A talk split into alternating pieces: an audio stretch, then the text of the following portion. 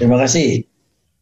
Bapak Ibu, terutama para peserta dari lingkungan Dirjen AHU, Kementerian Hukum dan HAM, terutama juga para Bapak Ibu pemimpin di direktorat atau divisi dan bagian serta unit masing-masing.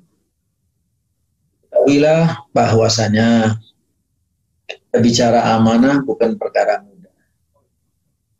Tapi bukan tidak bisa didapat. Itu bergantung kepada bagaimana kita kesungguhan nih, optimal atau tidak kita. Jangan belum apa-apa sudah menyerah. Seperti pelajaran yang lalu terkait dengan pandemi, itu kan ada beberapa oknum yang diberitakan, disiarkan itu apa terserah, terserah, terserah.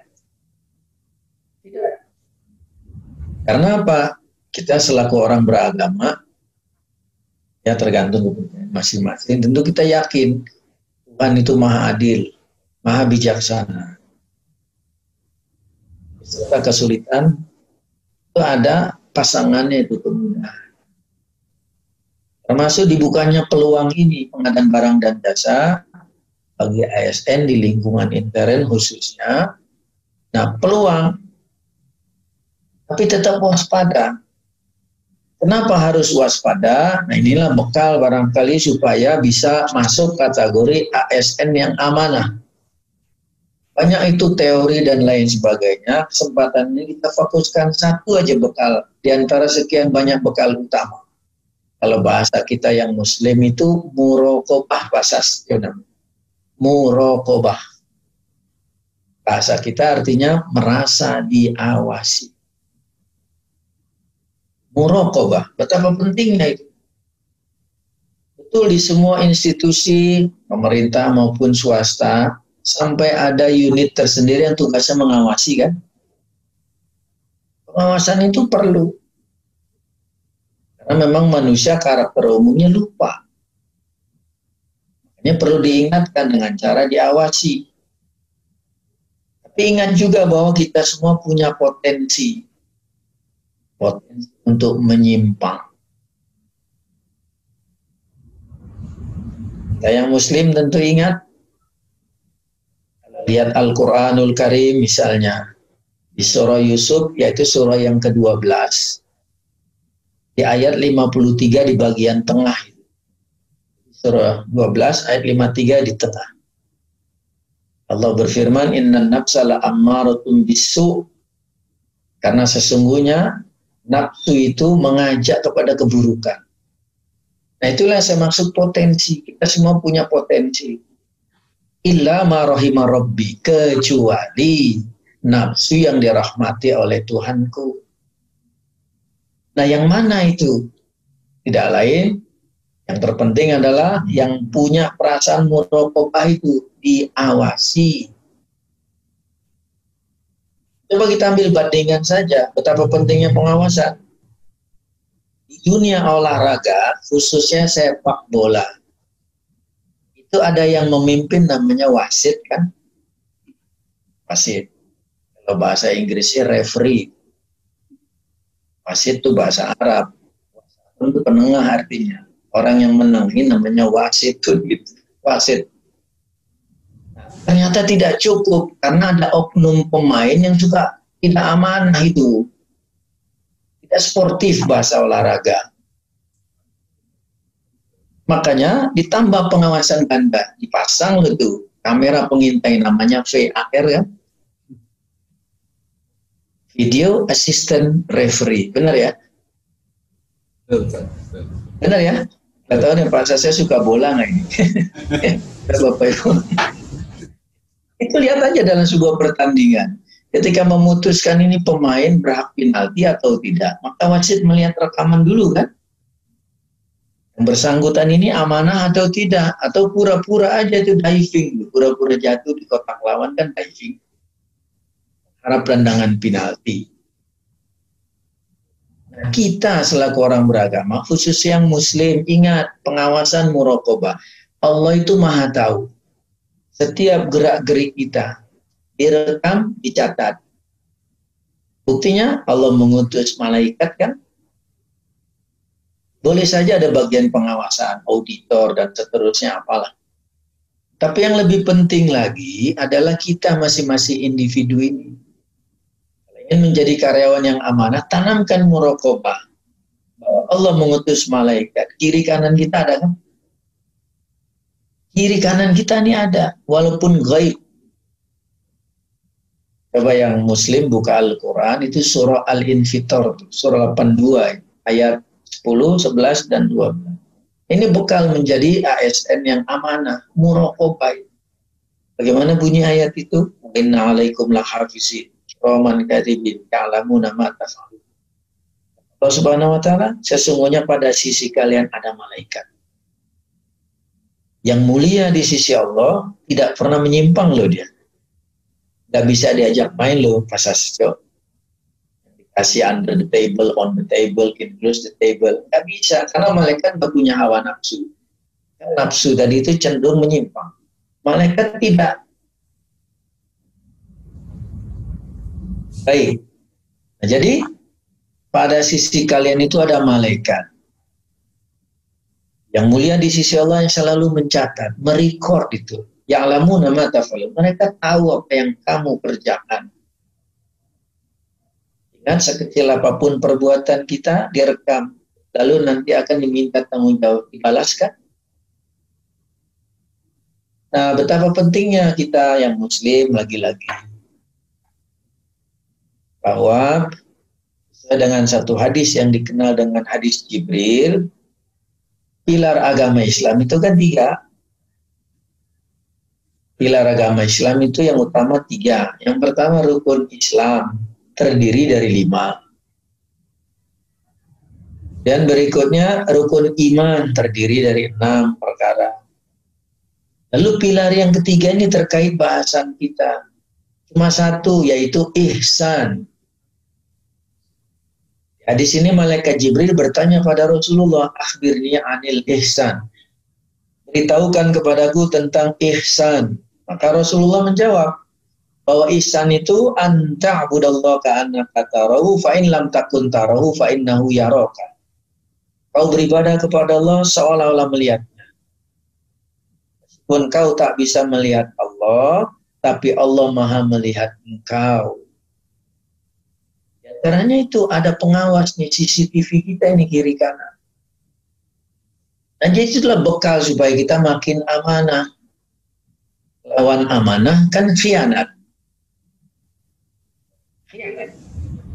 Apa sih itu amanah? Kalau bahasa bebas kita, titipan. Kita tidak boleh berkhianat. Diberi tugas, diberi titipan, tunaikan. Rasulullah pun bersabda, tunaikan amanah kepada orang yang telah memberinya kepadamu. Sampaikan. Apalagi menyangkut harta, sampai-sampai di tengah masyarakat kita betapa mencerminkan ini prihatin juga ini bahwa masih sedikit yang jaga amanah. Selebihnya ya lawannya itu khianat. Apa slogan itu? Titip omongan jadi lebih. Titip duit bisa kurang. itu kan cerminan tidak amanah ya. Jadi kalau titip omongan ditambah-tambah hoax, data-data yang nggak valid, kalau titip uang bertambah berkurang. Jangan. Ya adminnya, Sir. ya. Jangan. Apalagi terkenal tuh Pak Sasasyo, ya bermainlah dia itu. Kalau kita perjanjian namanya MOU kan, mengikat perjanjian Memorandum of Understanding. Tapi kalau orang tidak amanah dibalik MUO, Mark Up Operation. Itu itu tidak aman itu MUO. Praktek yang sering terjadi itu ya di level-level bawah itu kan BF itu bond fiktif. Perjalanan dinas beli ini beli itu masukkan gitu kan gitu kan padahal nggak ada hubungan Terus saya melihat praktek di lapangan saja ya, padahal di lingkungan sebagai tenaga kerja. Bapak Ibu di kantor kita terima kasih manajemen memfasilitasi keperluan karyawan. Ada air minum kan? Ada, Ustaz. Di ruang kantor Ya baik, itu difasilitasi kantor untuk menunjang aktivitas kita karyawan. Disediakan untuk karyawan yang sedang bekerja. Tapi ada yang dari rumah bawa termos. Lalu ngisinya di kantor digunakan buat dibawa pulang. Pertanyaan saya amanah nggak itu? Amanah nggak tidak itu? Nah, ini kayaknya berasa banyak nih. Ini cuma sebotol minum nih, Ustaz. Nah, itu kan cuma sebotol. Padahal kita mulai dari diri kita. Yang disediakan itu untuk di tempat. Kecuali memang ya tidak ada ikatan peraturan silakan dibebaskan. Tapi bila perlu apa konfirmasi. Bolehkah saya bawa pulang? Ada lagi yang menjustifikasi ini. Mudah-mudahan di di apa Dirjen Ahu ini nggak ada ini, tempat lain ini. Jadi ada teman kita nih, bagus sebenarnya, aktif di bidang rohani. Ya sebutlah misalnya teman-teman di masjid musola. In kegiatan rehab musola. In proposal kan? Baik, tapi bikinnya di kantor Pak Sastro. Komputernya punya kantor. Kertas serimnya punya siapa itu? Kantor. Itu amanah tidak itu? Menurut saya enggak, Ustaz. Ya tidak. Itulah penyalahgunaan, fraud namanya, penyelewengan. Meskipun Agak sedikit dalam, fraud. Iya, nggak boleh. Jangan menjustifikasi. Ini kan baik pak untuk musola, untuk masjid, nggak boleh. Termasuk yang contoh di jalan kita masih melihat ini prihatin loh. Bangun masjid, rehab masjid, menjegat jalan, bikinlah itu tenaga orang-orang yang minta sumbangan. Kalau saya gampang aja. Yang audit Pak Sasetio? Siapa yang audit? Apakah oknum petugas itu semuanya amanah? Allah Itu uang tunai loh. Uang tunai. Nah, sebelumnya pengalaman di dunia perbankan, khususnya bagian operasional.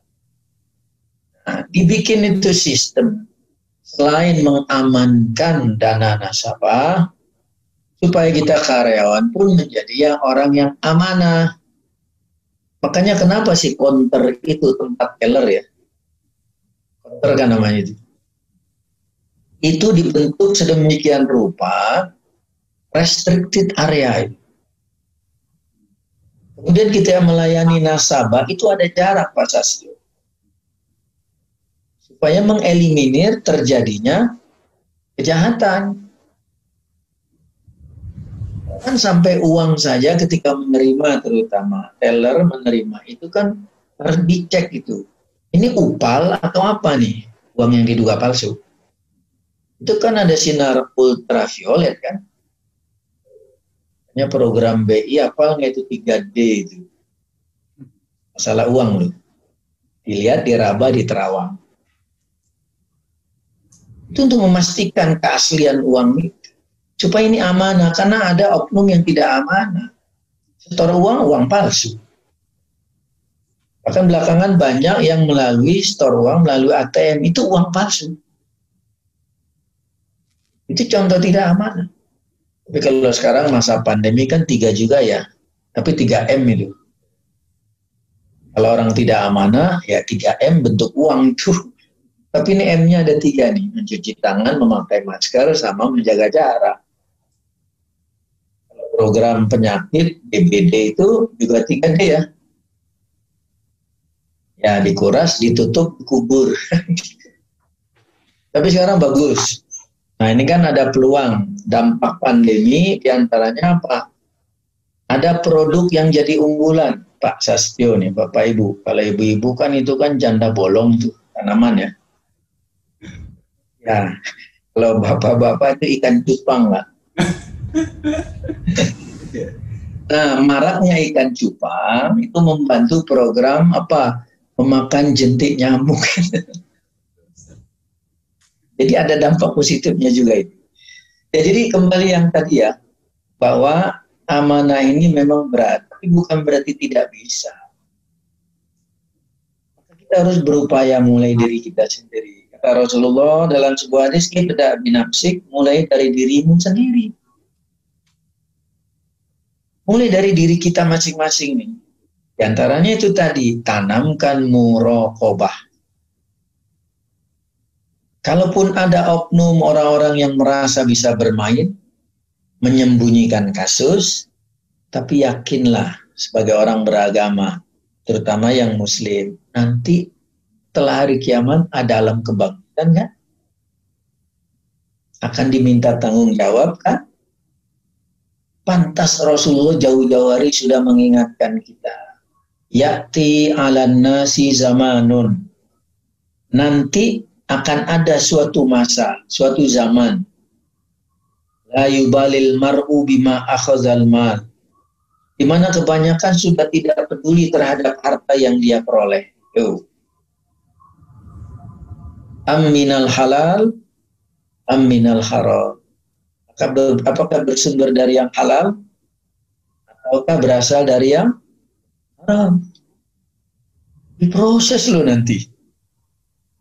Diproses itu. Sekarang alhamdulillah berkembangnya teknologi itu kan sebenarnya menggiring orang makin amanah. Contoh kehadiran karyawan zaman dulu saya ingat pengalaman saya manual itu tanda tangan absen ya Pak Sastri? Iya sekarang pakai apa? Sekarang pakai fingerprint, sidik jari. Finger, scan finger kan? Ya, betul. Makanya kalau karyawannya tidak masuk, absennya terupdate masuk, berarti itu potong jari itu. Sistemnya dirubah itu. Atau CCTV-nya dimatikan barangkali ya, kita nggak tahu lagi. Nah, ini kaitannya di dunia kepolisian untuk melacak jejak tindak kejahatan Kan yang dicari itu apa? Oleh tim Inafis itu sidik jari ya. Baik, kita yang muslim pasti tahu sidik artinya jujur. Ingat, ini nggak bisa dibohongin. Ya, Walaupun sekandung, meskipun kembar, ininya beda nggak? Guratan ini beda nggak? Ya, kan itulah disebut dengan sidik. Mengapa? Di alam akhirat nanti pertanggungjawaban coba tengok surah Yasin, surahnya 36. Ayatnya 65. Artinya apa? Pada hari ini kata Allah Subhanahu wa taala, hari pengadilan yang dimaksud dikunci mulut mereka. Jadi mulut terkunci nggak bisa berbicara. Waktu kelimuna aidihim yang melaporkan siapa? Kedua belah tangan mereka Watashadu arjuluhum. Saksinya bukan orang lain, kaki mereka sendiri. Bimakanu yaksibun. Terhadap apa yang mereka perbuat sepanjang hidup. Belum lagi ditambah sama hasil rekod malaikat tadi itu kan.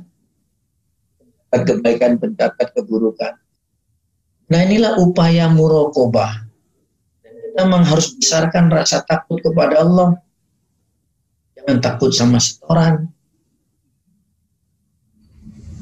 mentang-mentang sekarang dibuka peluang tentang pengadaan barang dan jasa, memang nggak boleh alergi, tapi tetap waspada kan?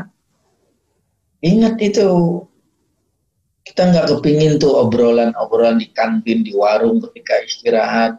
Mungkin Bapak Ibu masih ingat yang nuansanya justifikasi itu. Mas zaman kayak gini lagi pandemi, jangankan yang halal. Terus yang haram aja susah. Itu namanya menjustifikasi nggak benar itu. Kita yang muslim atau yang lain yang sesuai kepercayaannya pasti punya pegangan. Apa kita yang muslim? Rasulullah bersabda innal halala bayyinun wa innal harama bayyinun. Sesungguhnya perkara halal sudah jelas. Dan perkara haram sudah jelas. Wa bainahuma di antara dua perkara ini halal dan haram umurun mustabihatun la ya'lamuhunna katsirun minan Ada perkara di tengah-tengah namanya syubhat. Bahasa kampus gray area itu. Kalau bahasa dugem remeng-remeng ya Bapak Ibu ya. Gak jelas. Gak jelas itu. Nah siapa yang takut kepada Allah dalam perkara yang subhat, berarti dia telah menjaga kehormatan diri dan agamanya. Karena siapa saja terjerumus perkara yang tadi, gri area, abu-abu, yang syubhat tadi, itu sama identik dia terjerumus perkara yang haram. Nah, kembali yang tadi sempat saya singgung, teori tentang apa? Fraud, penyelewengan, penyimpangan. Dari segi bentuk perbuatan itu kan ada tiga. Bapak Ibu yang bagian audit pasti hafal lah. Jadi penyelewengan itu dari sisi bentuk perbuatan itu ada tiga. Yang pertama, apa? Set misappropriation, penyalahgunaan aset. Itu nggak amanah itu. Maaf, misalnya kita bekerja di satu tempat, dapat fasilitas kendaraan operasional, seharusnya digunakan untuk apa? operasional. Untuk mendukung operasional Lalu kenapa setelah jam kantor kendaraan itu dirental? ya, janjian di pintu tol, tentang sama jurusannya ke kantor di Kuningan itu kan. Kemudian bayar tolnya itu. Itu penyalahgunaan aset loh, termasuk yang tadi bawa air mineral dari kantor. penyalahgunaan aset. Aset misappropriation.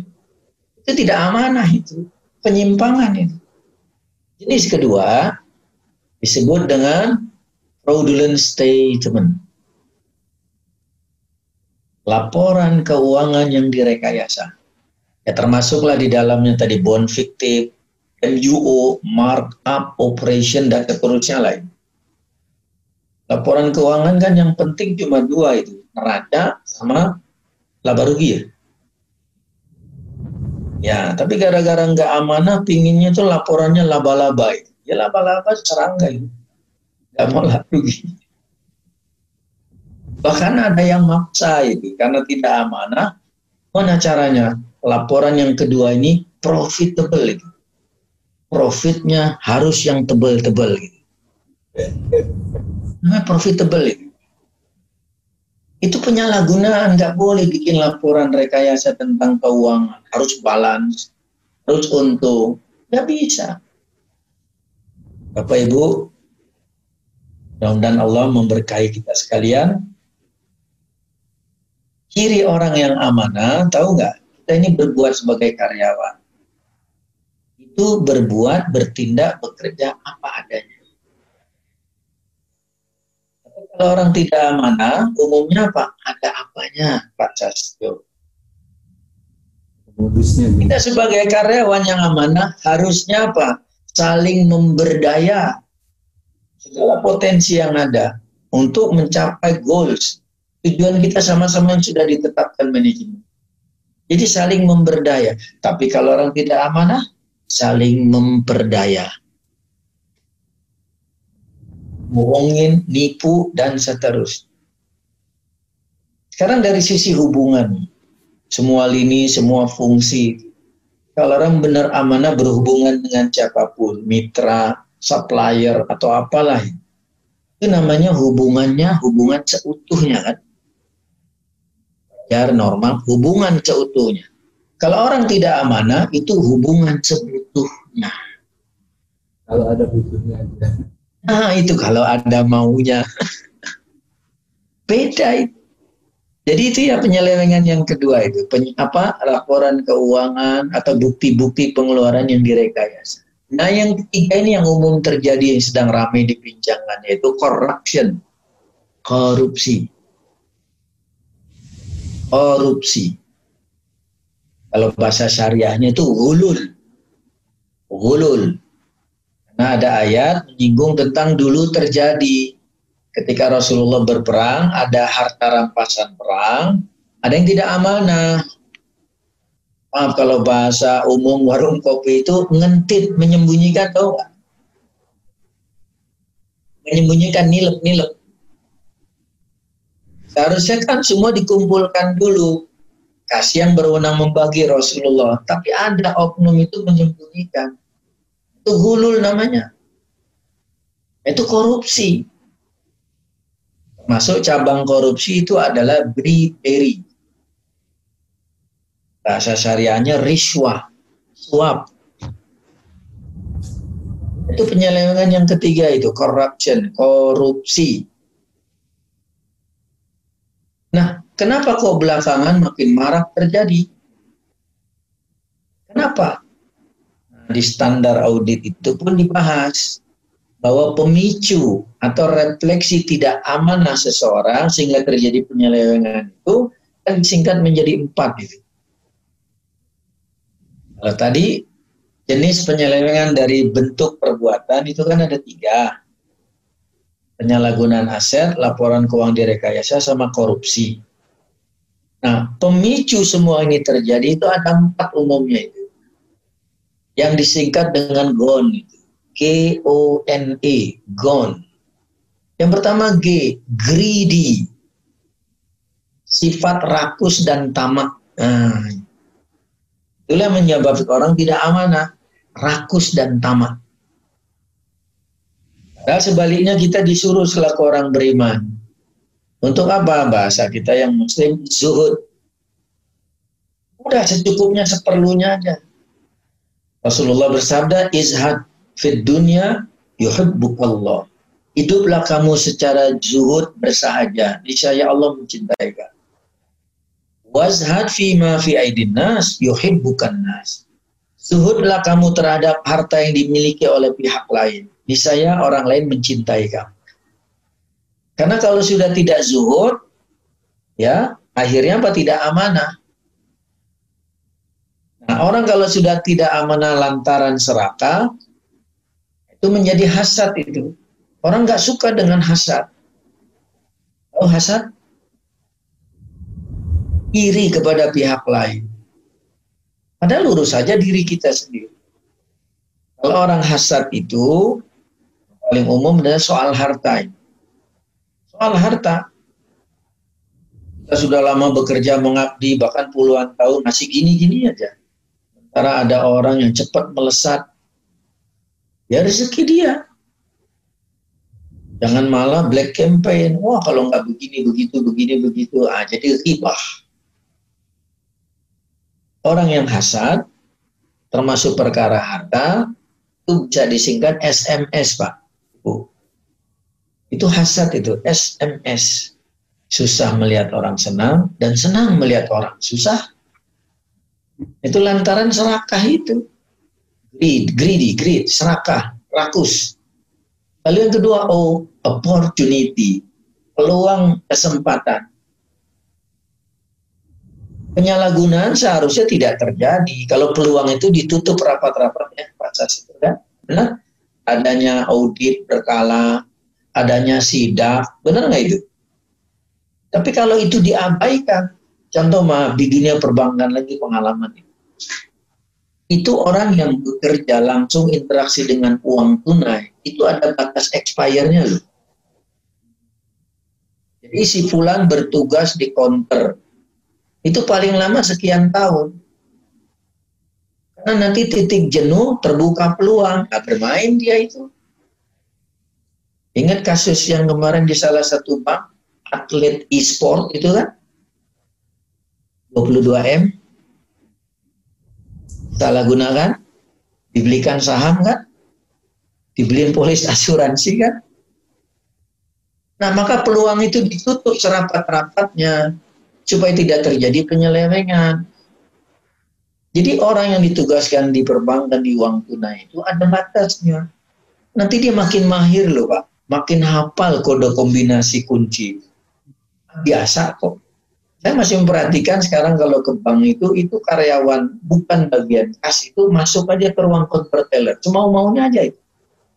Tulisannya restricted area. Daerah terbatas nih. Maka jangan buka peluang. Maka untuk mengeliminir hal-hal terjadinya penyimpangan, tidak amanah, makanya itu orang itu di rolling. Di rolling yang nggak tahu nih kalau bagian pengadaan barang dan jasa di rolling baik nanti.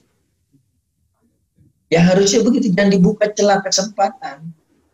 Pengalaman saya, saya ingat saya, untuk pengamanan uang tunai di konter. Di induknya namanya Menvold, khazanah yang besar, penyimpangan uang nasabah. Itu petugasnya dua loh, dual custodian ini. Megang anak kunci, untuk membuka pintu manifold sama pemegang nomor kombinasi. Benar? Pemegang. Jadi dua-duanya itu kalau ingin buka pintu dua-duanya nggak bisa salah satu salah. Maka kalau terjadi pembobolan itulah yang namanya kolusi. Jadi dua nih entah siapa pemegang anak kunci sama pemegang kombinasi pasti bobol itu. Karena sistem di perbankan itu sangat ketat dan rapi. Nah, undang-undang di Dirjen AHU terutama terkait pengadaan barang dan jasa diperketat. Jadi yang kedua itu jangan dibuka celah sedikit pun. Sekarang kita yang muslim. Bapak Ibu pernah dengar masjid diaudit? Jarang kan? kita yang laki-laki muslim tuh ketika ke masjid khususnya sholat Jumat sebelum dimulai itu pasti pengumuman saldo kas ya ya pernah dengar ya laporan keuangan masjid bulan ini telah diaudit dapat predikat WTP ah gitu dong wajar tanpa pengecualian inilah keprihatinan kita jadi terbuka peluang Makanya sekarang kenapa banyak kegiatan rehab masjid? Kenapa Pak Sastio? Itu enggak? Karena banyak oknum menjustifikasi urusan agama. Jadi orang nggak berani sentuh. Padahal nggak semuanya mulus. Jadi jadi buka celah itu boleh tapi audit lah. Termasuk yang dijegat-jegat jalan. Itu uang tunai. Nah, contoh konkret lagi di masjid kita Al-Hijrah lah. Lantai berapa itu? Baik.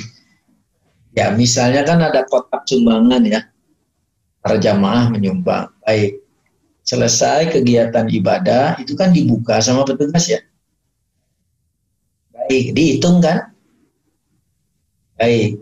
Hitungnya sendiri kan? Ada saksi nggak?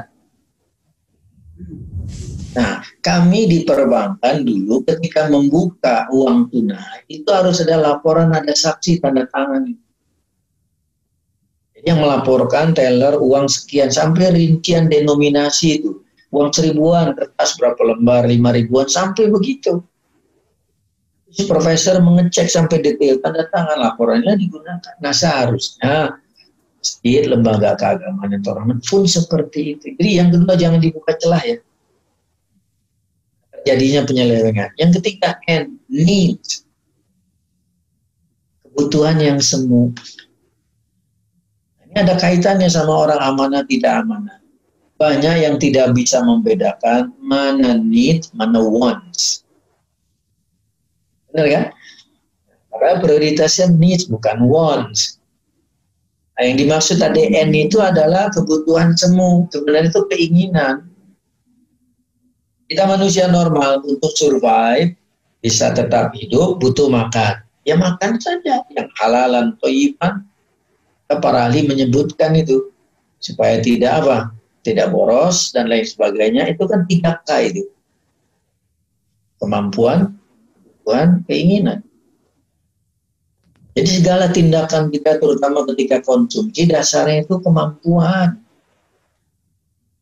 Setelah melihat kemampuan ada prioritasnya kebutuhan.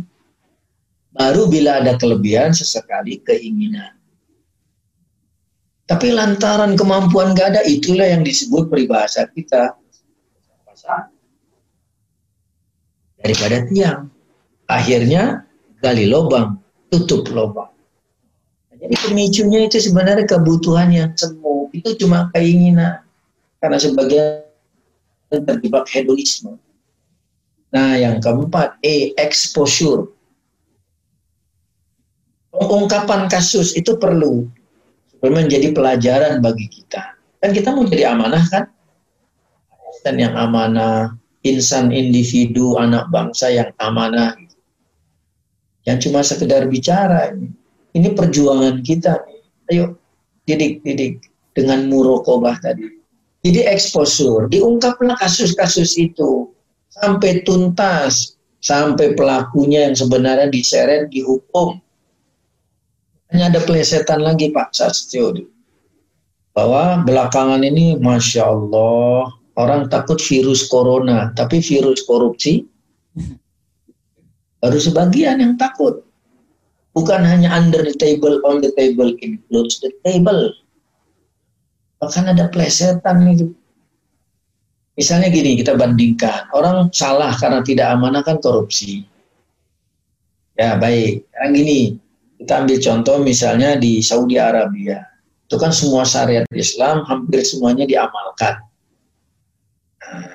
Seorang pelaku kriminal mencuri, itu diadili, difonis, terbukti, hukumannya potong apa? Potong tangan. Di kita nggak diterapkan, tapi kita tetap negeri Muslim, insya Allah. Tapi di sana kan diterapkan.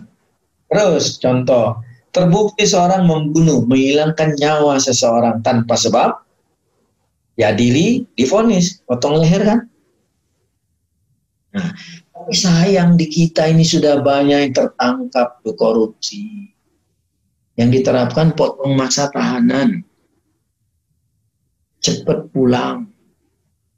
Ya akhirnya untuk yang berikutnya, ah nggak apa-apa kok aman, nyaman. Ada yang bisa nonton tenis lagi. Ingat kasih selalu kan? Ada yang belanja ke restoran Padang, belanja toko bangunan. Siapa itu yang minta saham itu? Ini kan contoh bagi kita. Jadi diungkap, dituntaskan supaya berikutnya tuh nggak berani. Jangan malah jadi tuman merasa kebal. Kan slogan pandemi itu apa? Tak kenal maka tak kebal. Kan seperti itu. Nah maka dari itu inilah bekal dalam rangka menuju ASN yang amanah, tanamkan murokobah itu. Nah, saya ungkap kisah-kisah yang menjadi inspirasi kita ya. Nih, betapa orang-orang terdahulu banyak yang amanah. Kita ambil kisah misalnya kita yang muslim nih. Surah Al-Baqarah. Kan surah yang kedua ya dalam Al-Quran. Namanya Al-Baqarah, artinya sapi betina. Padahal di dalam ayat, surah itu ayat pertama sampai 286 rasanya nggak ada menyinggung peternakan sapi. Lalu apa hubungannya sama sapi betina? Begini, nah jadi biasanya penamaan itu ada kaitannya dengan sesuatu yang terpenting. Nah, jadi nanti boleh Bapak Ibu di rumah yang muslim teman-teman itu buka surah Al-Baqarah ayat 67 sampai 74. Ringkasnya begini, ini kaitan sama bahasan. Jadi dulu di zaman Nabi Musa ada kasus keserakahan, pembunuhan, keponakan membunuh paman, ingin menguasai harta, kan gitu kan? Ya baik, ributlah ramailah.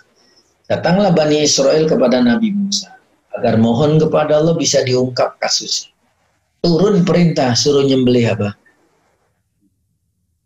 Sapi betina itu kaitannya ngeyel begini begitu begini begitu akhirnya dapatlah dengan susah payah. Sapi betina itu disembelih. Lalu bagian tubuhnya digunakan untuk memukul si korban tadi sang paman itu. Lalu atas izin Allah si paman hidup kembali lalu ditanya siapa yang membunuh anda? Dijawab keponakan. Itu dia mati lagi. Selesai ungkapan kasus. Tapi si keponakan ini bandel ini nggak ngaku juga karakter Bani Israel. Nah kaitannya sama apa? Bani Israel mendapatkan sapi dengan susah payah. Kan surah Al-Baqarah 67 ya sampai 74. Sapinya betina, belum pernah dipakai membajak sawah, kulitnya kuning keemasan. Benar ya? Nah, ternyata tahu nggak sapi itu milik siapa? Nah, ini korelasinya. Nah, dikisahkan ternyata sapi itu milik seorang anak yatim yang amanah itu. Ceritanya begini, dulu bapaknya masih hidup. Belikanlah sapi yang masih muda. Kalau bahasa Jawa itu pedet itu. Kalau bahasa Sunda tuh eneng gitu ya. Nah baik, si bapak bilang sama anak, nak peliharalah sapi ini dengan baik. Barangkali nanti, khususnya ketika bapak tidak ada, bermanfaat bagi kamu. Itu kan? Diajarkan investasi itu. Ya baik. Berjalannya waktu si bapak meninggal. Baik, lalu si anak ini jadi anak yatim kan? Sapi itu dilepas liar di hutan. Tapi anak ini berbakti mengabdi sama ibunya yang tinggal sendiri. Tetap dia bekerja, sigap, komitmen, produktif lah. Ditambah dengan kreativitas. Kita nih gimana nih ASN di Dirjen AHU nih? Kreativitas banyak atau kere aktivitas ini? Insya Allah kreatif. Ya kreatif, Alhamdulillah. Ya baik. Lalu, ya gitu ya. Si anak ini mencari kayu bakar di hutan dijual ke pasar. Hasilnya untuk menghidupi dia dan ibunya. Nah, akhirnya berjalan waktu. Si ibu memanggil sang anak. Nah, pergilah ke hutan, ambil sapi itu yang dulu bapakmu membelikan.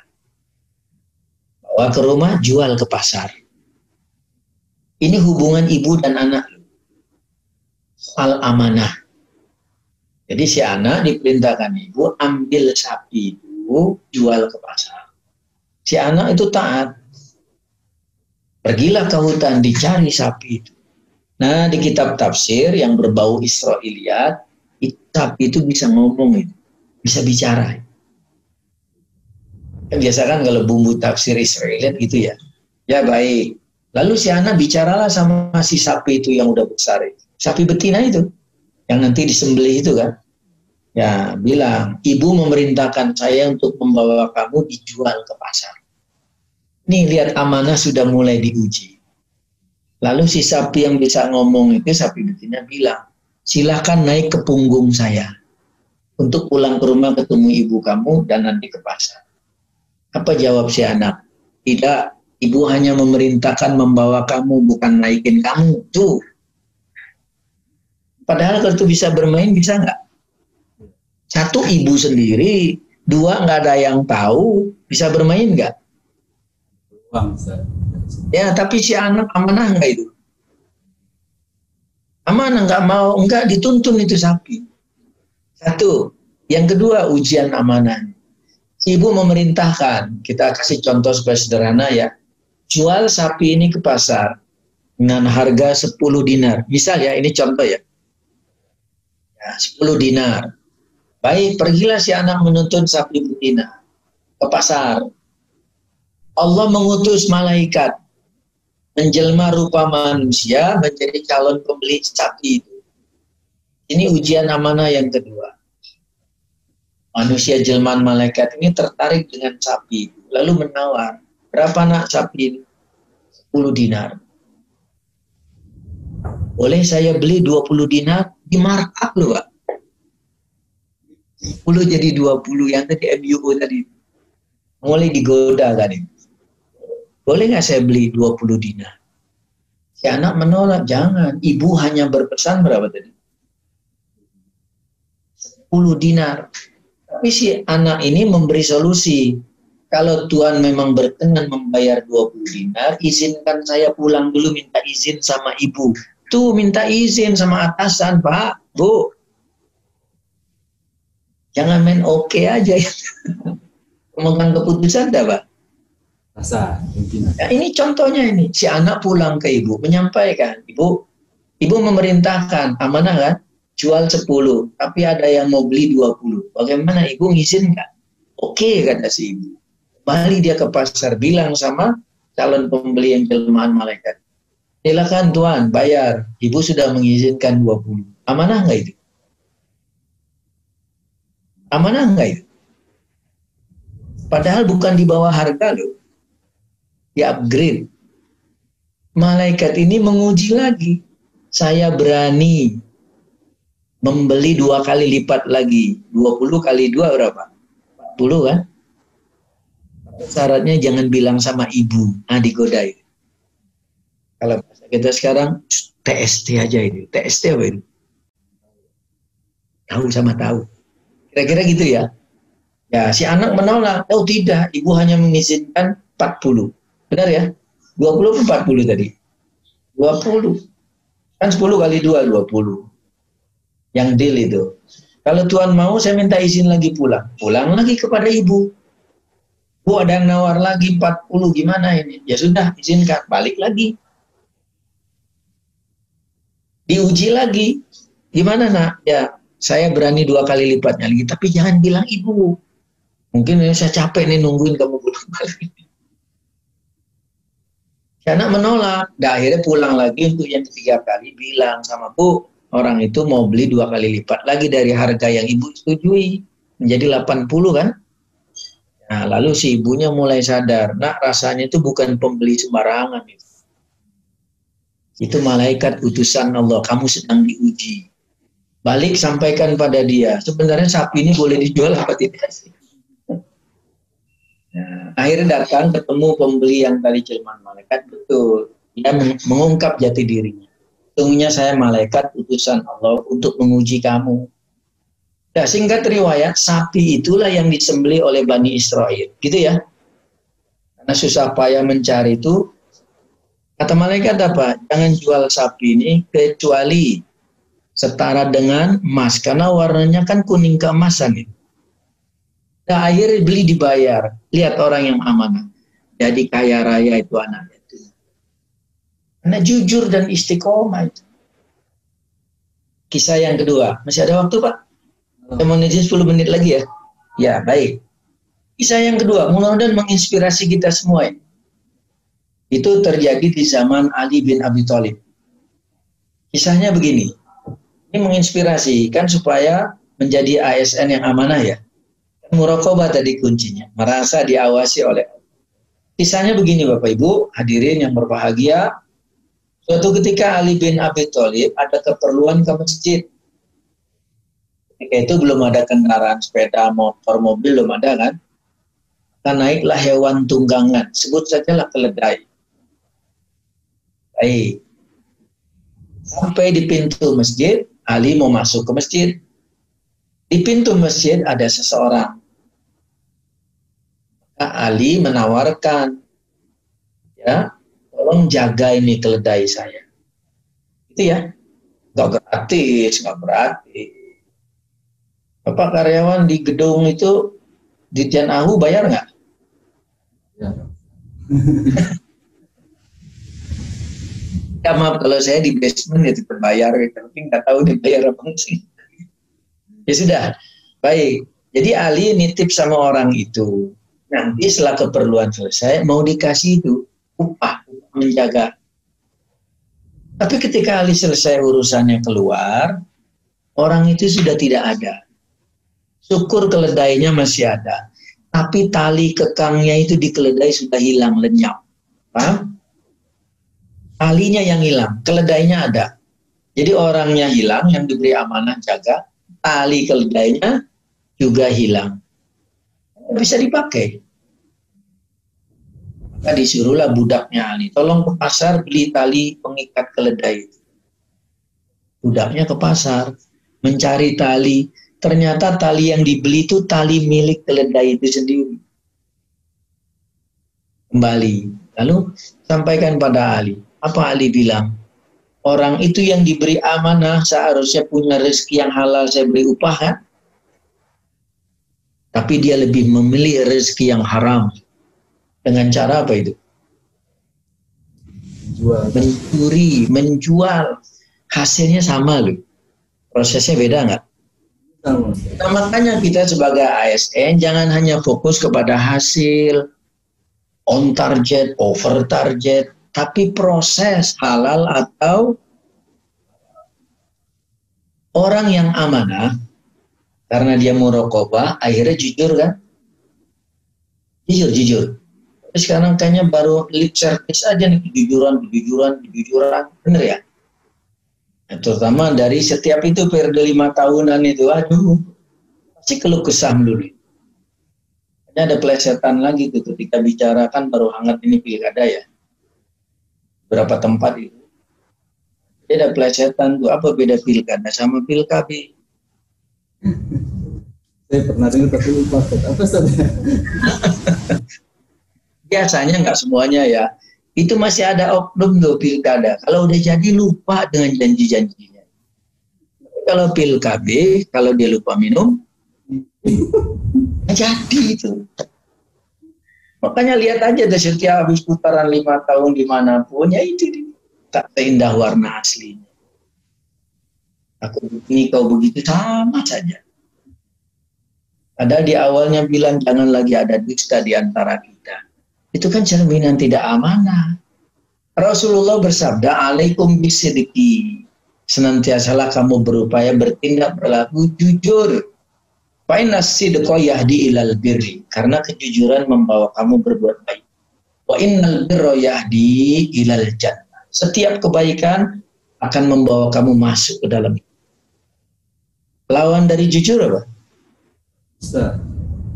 Dusta, bohong, wa iyyakum wal kazib. Termasuk tidak amanah itu. Hati-hati kamu terhadap dusta. Final kadhiba yahdi ilal fujur. Karena setiap dusta itu menyeret kamu berbuat jahat. Betapa jahatnya sekarang melalui teknologi dirubah-rubah, foto diganti dan lain sebagainya. Bahkan ada yang nanti tanda tangan ya, tanda tangan dipalsu, apalah itu nggak tahu lagi. Wa innal kadhiba ilal fujur wa innal fujura yahdi Jadi Dusta menyeret kamu berbuat jahat dan kejahatan menyeret kamu masuk ke dalam neraka. Kisah terakhir sebelum tanya jawab ya. Nah, seketip lagi nih bahwa orang yang jujur atau dengan kata lain orang berupaya amanah itu Allah angkat, akan angkat derajatnya dan akan diberi keberkahan. Kalaupun tidak di dunia ini tapi nanti di akhirat karena Allah nggak pernah ingkar janji. Kisahnya begini. Ini sekarang di zaman Umar bin Al-Khattab. Pertama, suatu ketika Umar menempuh satu perjalanan, lalu istirahat, transit ya, ngasok ya. Gak tahu kilometer 50 atau berapa, saya nggak tahu. Kan tempat-tempat transit itu kilometer 19, kilometer berapa itu. Ya, dulu belum ada kilometer. Ya, Umar bin Al-Khattab istirahat Ketika istirahat di tempat itu, dia lihat seekor penggembala. Penggembala, penggembala kambing. Nah, Umar melakukan fit and proper test, uji kelayakan, soal amanah. Gimana caranya? Didekatilah si penggembala. Ini uji ya, ujian ini. Umar bilang, ya ro'i, bi'na hadhihi syatan minal ghanam wahai penggembala, juallah seekor kambing itu kepada kami. Jadi mau dibeli, mau beli seekor kambing. Penggembala bilang, innahu mamlukun. Jangan, bukan saya pemiliknya. Jujur nggak itu? Jujur nggak itu? Saya hanya petugas menggembala. Umar mulai menguji lagi. Kulli sayyidika. Kambing yang kami beli seekor nanti bilang aja sama tuan kamu. Bukan disuruh main ya. Ini ujian ujian. Bilang aja kalau ditanya akalah hudzibu? Kambing seekor itu dimakan serigala. Kan kambingnya banyak hitung juga capek. Itu ya. Itu kan ujian itu. Apa jawaban sang penggembala? Cuma ringkas itu jawabannya ya diajak diojo-ojoki berbuat curang fraud. Tadi kan bilang aja nanti dimakan serigala kami beli. Kan uang ke kamu itu. Apa kata pengembala Ain Allah cuma itu jawabannya. Di mana Allah? Boleh tuan saya tidak tahu.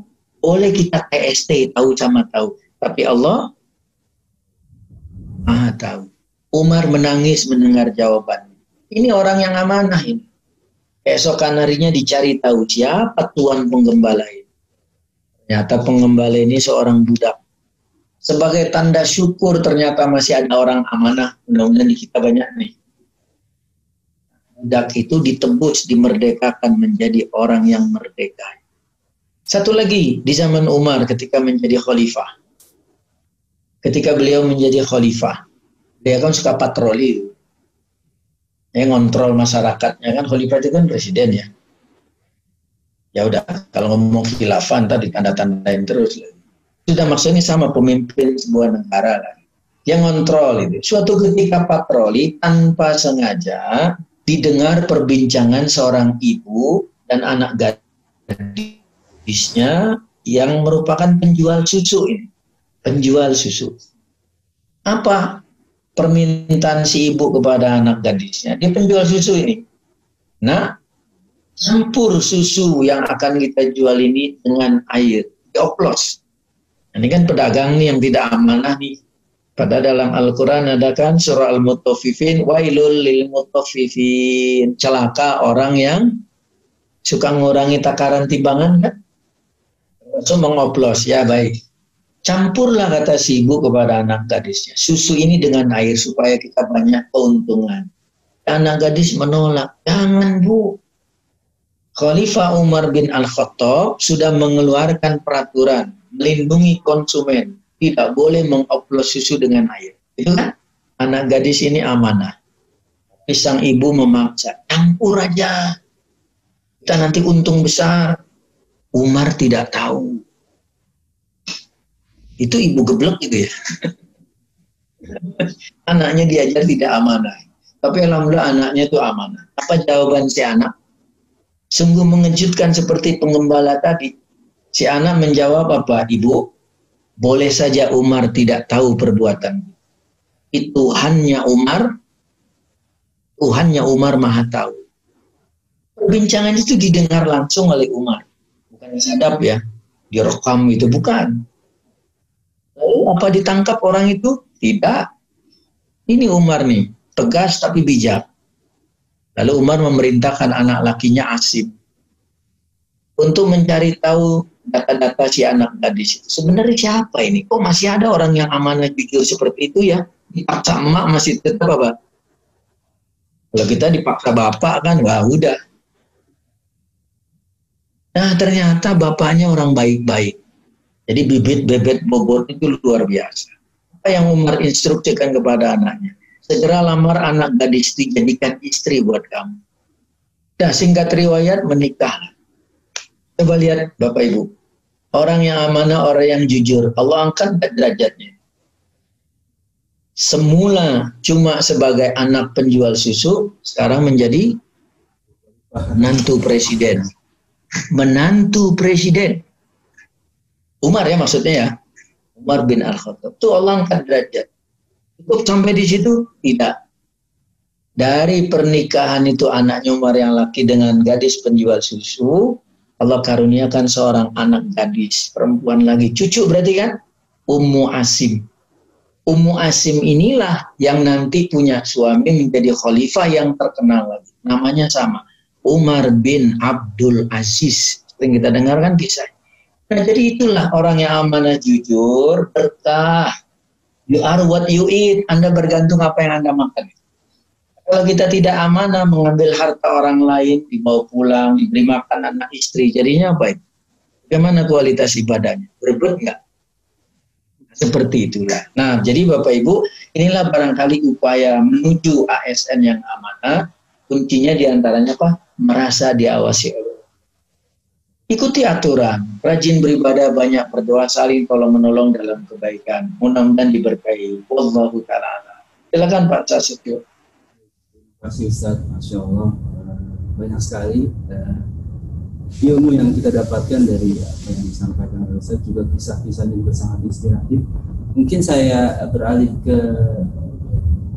rekan-rekan atau Bapak Ibu yang bergabung di Zoom. Apakah ada yang ingin menyampaikan pertanyaan silakan. Belum belum ada. Baik Ustaz kalau begitu saya yang ingin bertanya Ustaz. Ya silakan. Kita kan terus ya, contohnya saya misalnya kita selalu terus berusaha untuk menjadi uh, eh, ASN yang amanah karena kami memang ada uh, pemerintahan. Nah, bagaimana sih sir caranya uh, kalau kita melihat berbagai fraud misalkan yang ada di lingkungan kerja kita, kita ingin uh, mencoba menasehati rekan kerja atau pimpinan kita supaya tidak melakukan fraud itu melakukan fraud tersebut. Tapi kita juga ngerasa nggak enakan saat gitu maksudnya uh, karena mungkin kita juga ada di organisasi ini kemudian uh, juga mungkin tanpa sadar pernah melakukan fraud itu. Nah bagaimana kiatnya saat supaya uh, kita bisa menasehati supaya kita bisa mana mohon baik Terima kasih Pak Sastyo, Bapak Ibu, jamaah sekalian yang berbahagia. Mungkin arahnya itu jangan sampai kita terutama yang ada di lingkungan pertanyaan tadi menjadi setan bisu ya. Setan Maksudnya ada kemunkaran didiamkan gitu, pembiaran itu. Nah kita yang muslim ingat satu hadis Nabi sering disampaikan para pala mubalik, para ustaz. Tingkat saja di sini. Man ra'a minkum munkaron falyughayyirhu biyadihi. Fa illam yastati fa bilisani. Fa illam yastati fa biqalbi. Wa dzalika adaful iman.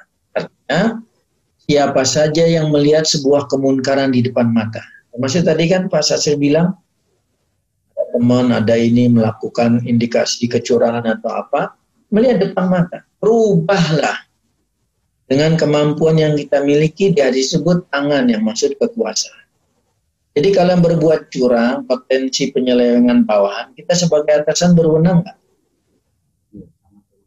Cegah itu. Kalau nggak mampu dengan tangan, wewenang, kekuasaan, jangan didiamkan, rubah dengan lisannya sehat yang bijak di hadapan halayak ini kan sering kali ini jadi tertular nih penyakit sekarang mengungkap aib orang di publik gitu ya.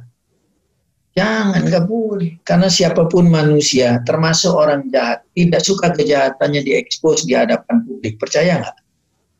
Ya nggak suka orang melawan itu.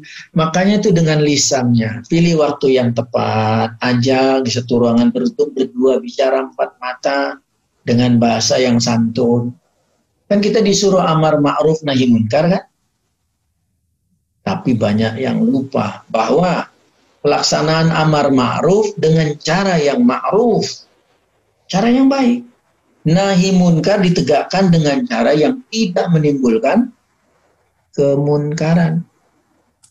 Ambil aja slogan pegadaian itu yang nanti mau di merger katanya itu. Itu masih bagus loh mengatasi masalah tanpa masalah.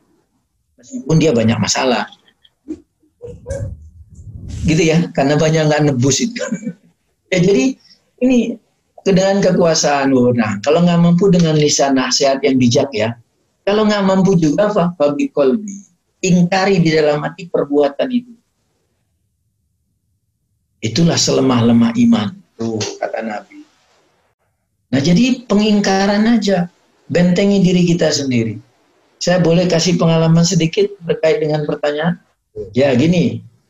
Ini kita masing-masing harus membentengi diri. Karena kadang-kadang ini ada yang lupa atau karena apalah tewu pakewu ya. Apalagi yang berbuat kecenderungan penyelewangan itu orang-orang yang punya wewenang lah tinggi ke tinggi. Jangan takut pengalaman saya begini, ada suatu transaksi dulu untuk dibukukan, jumlahnya besar itu. Kalau orang pembukuan itu posting, itu kan harus ada underlying itu. Ya dasar-dasar untuk melakukan pembukuan, ya, misalnya kwitansi atau apa. Nah ini cuma lisan. Tolong bukukannya debit ini, kredit ini. Besar lagi. Ya kita sebagai bawahan kan yang melaksanakan tugas saya. Tapi kita cerdas dong wah ini gimana nanti kalau di audit nggak ada dasarnya main posting aja diciduk saya ini Alhamdulillah saya teringat, saya cari cari kertas itu, saya tulis buat kredit, saya tanda tangan. Saya hampiri atasan itu. Tolong maaf lengkapi tanda tangan, walaupun sambil buang muka di tanda tangan, itulah saya pegang. Suatu ketika ada pemeriksaan, ini transaksi apa nih? Saya hanya disuruh, ini ada yang berwenang ini ini jadi bentengi diri kita, jangan malah larut. Diajak ini, yuk yuk kita MUO, markup operation. Yuk yuk bacakan, bagi-bagi. Imam muazin, makmum itu aja. Jadi itulah mencikapinya ya. Coba dulu upaya dulu. Kalau juga nggak bisa hindari, minimalisir. Namun kemudian kita tetap berkas. Barangkali itu Pak Sasif. Allah a'lam. Terima kasih. Ada pertanyaan yang masuk? Oh, oke. Okay. Ada pertanyaan yang masuk, Ustaz? Silakan. WhatsApp dulu karena disampaikan melalui WhatsApp. Dari siapa? Oke. Okay.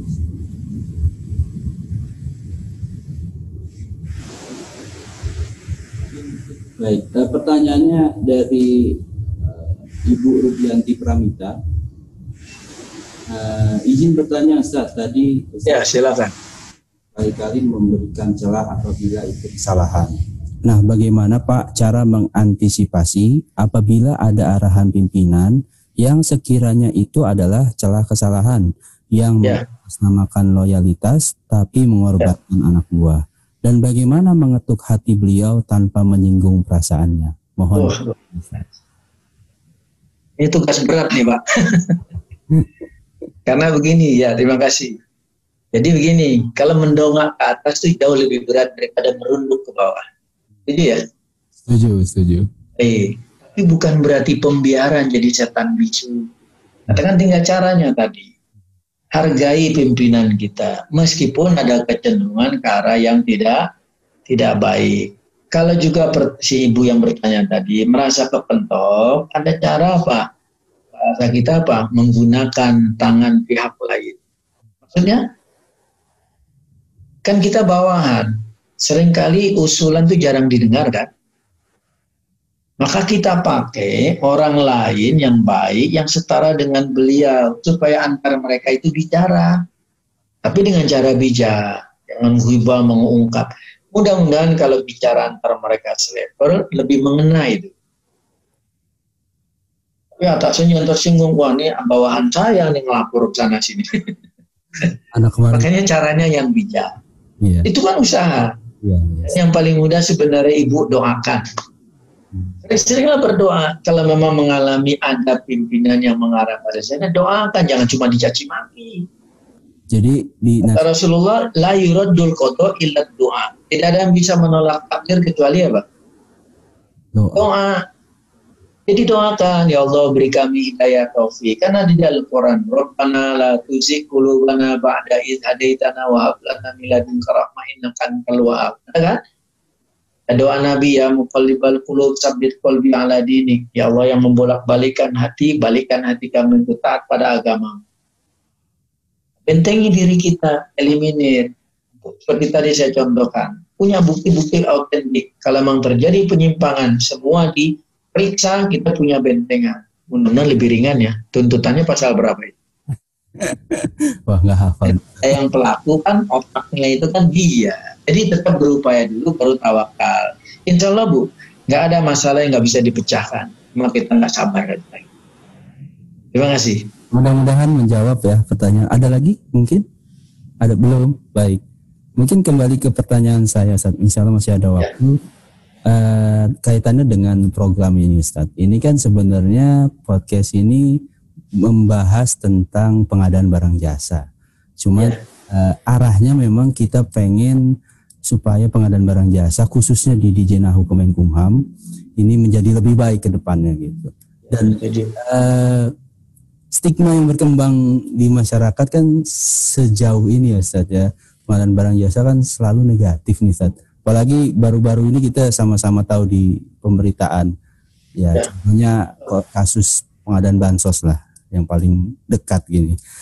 Uh, salah nggak sih Seth kalau misalkan orang-orang kayak kami nih, orang-orang yang berkecimpung di pengadaan yang mungkin sudah lekat dengan stigma itu, tapi berusaha bertahan di dalam uh, dunia ini dan mencoba untuk meluruskan. Sementara di di sisi lain banyak orang berpendapat, lo kalau mau uh, jadi orang yang lurus ya jangan berkecimpung di dunia yang kayak gitu, keluar. Ya.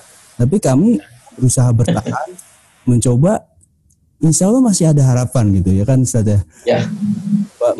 kan ini gitu loh membenahi semua ini salah nggak sih kita mempunyai sikap seperti itu ya. baik terima kasih menyangkut pertanyaan yang berikut ini kita sama-sama ingat satu sabda Nabi tentang istiqomah dalam beragama yang di dalamnya terkait masalah konsisten menjadi orang amanah ya Apalagi di bagian pengadaan barang dan jasa yang stigmanya kan selalu begitu. Ah semuanya sama, nggak ada yang lurus, gitu kan? Ya. Siapa bilang? Buktikan, ya kan? Buktikan. Kayak umumnya itu kan semua pada nuding laki-laki. Kan ada jawabannya itu Pak Sudirman. Tidak semua laki-laki. Nah, pun demikian, tidak semua yang terlibat di pengadaan barang dan jasa itu bisa diajak main buktikan. Nah, apa itu bunyi sabda Nabi Shallallahu Alaihi Wasallam? Ya, bahwasanya di akhir zaman orang yang istiqomah memegang teguh agama taat pada peraturan kal di alal jamr seperti orang menggenggam bara itu analognya semakin kuat dia menggenggam semakin apa? Mungkin terbakar terbakar. Kalau tidak kuat? Ya dilepas. Dilepas. Nah, sekarang peluang masih ada. Esok penuh harapan. Itu program yang dulu esok penuh harapan. Gitu ya. Nah, kita rubah. Dengan cara apa? Misalnya, nah kadang-kadang sebenarnya bukan pihak intern kita, pihak ekstern itulah yang mitra kita itu yang apa istilahnya itu mengajak-ngajak, merayu-rayu dan begini.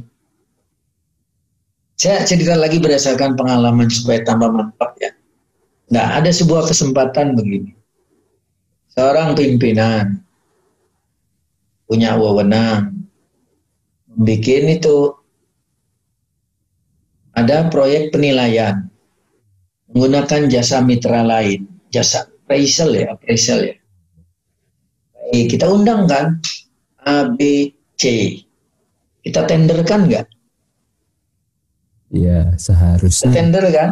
Ya, pilih yang paling bersesuaian dengan keinginan dan anggaran dan seterusnya lah. Pilihlah sesuai ketentuan selesai tugasnya. Good, bagus hasilnya. Selesai proyek itu, tender tadi penilaian aset, salah seorang pimpinan dari mereka mendatangi kepala itu tadi. Memberi langsung uang tunai loh, Mas Sastio. Dulu akad nikah tunai apa angsuran? Ayah terima bla bla bla bla dibayar? Dibayar tunai. Saya kalau sekarang nggak berani tunai transfer pak. Tapi jangan lupa ada PPATK itu. Itu direkam loh aliran dana itu. Benar ya? Ya baik. Nah jadi dibawakan uang tunai sebagai tanda terima kasih. Betul, beda sogok sama hadiah kan di situ. Kalau sogok sebelum supaya tendernya menang, supaya hukumannya diringankan. Kalau hadiah sesudah selesai. Sesudah itu, tapi ini juga potensi. Itu investasi itu. Supaya kalau ada penilaian berikut dapat lagi bisa. Dapat lagi gitu ya. Ya baik, akhirnya ditolaklah sama si pimpinan itu. Oh jangan, kami ada peraturan di perusahaan ini. Siapa pun nggak boleh menerima di luar gaji fasilitas yang telah kami peroleh. Ini tugas. Ini maksa terus. Rayu enggak ini dari pribadi akal ini dari pribadi.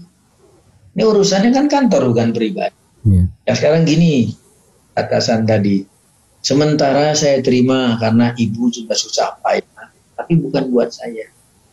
Saya terima ada tanda terima akan saya teruskan ke pimpinan paling berwenang direkti.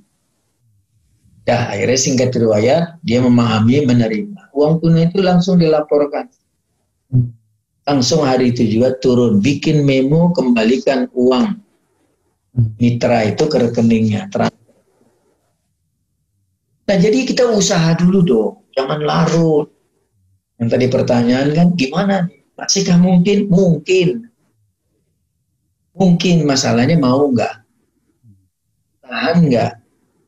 Kalau juga benar jadi gini Bapak Ibu ketahuilah bahwa kita harus upaya dulu baru tawakal.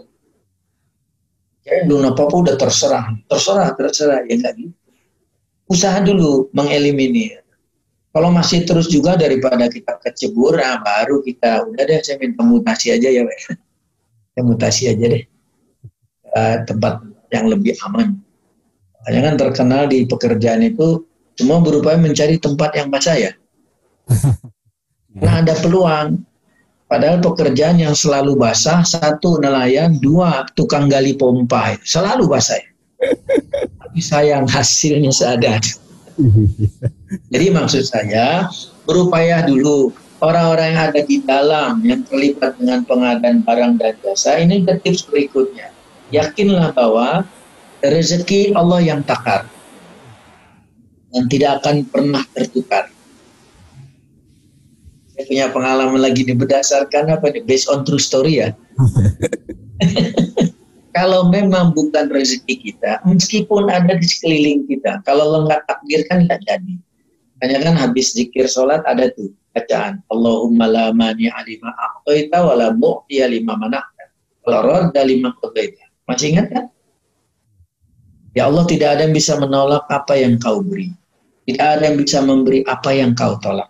Tidak ada yang bisa menghindar dari takdir yang kau tetapkan. Ditanya begini, maaf ya, ini saya. Suatu ketika pulang dari beraktivitas beli makanan. Sate padang. Dua bungkus pisah lontong lagi. Wih mantap ini. Udah jam makan siang ya. Sate padang yang terkenal di Rawamangun lagi namanya Ajumani terkenal lah depan apotek gitu. saya beli saya bungkus untuk makan sama keluarga di rumah. Saya gantungkan itu di motor kan ada tempat gantungan itu entah kenapa itu begitu sampai rumah gantungan makanan itu hilang. Hmm. Mungkin terjatuh di jalan. Rezeki saya bukan? Berarti bukan Ustaz. Ah, nerima nggak? Ya harus nerima. ya, nerima. Saya udah berupaya. Hmm. Tapi ambil pelajaran dong. Next saya beli lagi sate padang, saya nggak gantung, saya masukin box merdeka saya. Nah jadi upaya dulu tanamkan itu rezeki sudah diatur. Apa-apa yang memang bukan rezeki kita nggak bakal mungkin gitu loh. Jadi yang di bagian itu pengadaan barang dan jasa, yakinlah dengan kejujuran tetap aja rezeki sudah Allah tetapkan. Kalaupun ada yang merasa ah nggak bisa, semua juga udah pada begini, ikut aja maju tak bentar gitu, yakinlah ya akan berkah. Suatu ketika kita akan diminta pertanggungan, nah, sekecil apa pun dibalas kan? Ya may ya'mal miskola dzarratin khairan yarah wa may ya'mal miskola dzarratin syarran yarah. Surah Az-Zalzal. Kebaikan keburukan sekecil apa pun nanti akan dibalas. Kita nggak kasihan sama keluarga dicuapin yang haram itu. Kita nggak kasihan sama anak-anak dikasih yang haram. Oh yang lain juga begitu. Oh sorry saya beda dengan yang lain. Asok suci kamu nggak apa-apa. Gak populer kamu nggak apa-apa kemuliaan orang itu di sisi Allah atau di sisi manusia? Sisi Allah. Di sisi Allah walaupun nggak populer di mata manusia. Makanya kan dulu ada award tuh orang yang tingkat penyimpangannya paling rendah sekarang masih ada nggak ya? nah, tapi itu bagian dari motivasi. Dihargai orang yang kemarin kan yang menemukan benda orang dikasih umroh atau apa lagi. Nah itu kan penghargaan. Nah kita juga demikian di bagian itu terutama yang berong diaturlah penghargaan. Penghargaan nggak selalu uang. Misalnya ucapan terima kasih, itu kan? Jadi apresiasi orang tuh perlu. Sesekali ya mungkin lah, misalnya kita punya bawahan, dia bagus, semangat, jujur, hubungan pribadi aja. Aja makan bersama gitu jadi dia merasa dihargai. Itu tampilkan di depan teman-teman. Ya, yang lain bisa meniru dan ucap. Mungkin itu Pak Sastio. Baik. Allah Masya Allah. Uh, banyak sekali ilmu yang kita dapatkan pada pagi menjelang siang hari ini. Dan mungkin juga uh, kita sudah mendekati waktu zuhur, Ustaz. Uh, ya. Kita bisa uh, sudahi dulu uh, pertemuan kita pada siang hari ini. Mudah-mudahan apa yang disampaikan oleh Ustaz Syabun Umar bisa menjadi bekal kita semua agar dapat menjalankan tugas dengan amanah dan uh, kita semua bisa menjadi umat yang pandai bersyukur tadi seperti yang Ustaz bilang. Syukuri saja apa yang Allah berikan Tuhan berikan kepada kita semua dan memang tidak ada yang bisa menolak apa yang Tuhan berikan dan tidak ada yang bisa memberi apa yang Tuhan tidak berikan gitu ya Mungkin itu dari ya. kami. Uh, terima kasih banyak kepada Bapak Ibu peserta podcast pada siang hari ini. Mudah-mudahan kita bisa bertemu lagi pada podcast berikutnya. Saya Sastri Adi Darman undur diri. Wassalamualaikum warahmatullahi wabarakatuh. Waalaikumsalam. Terima kasih Bapak Ibu.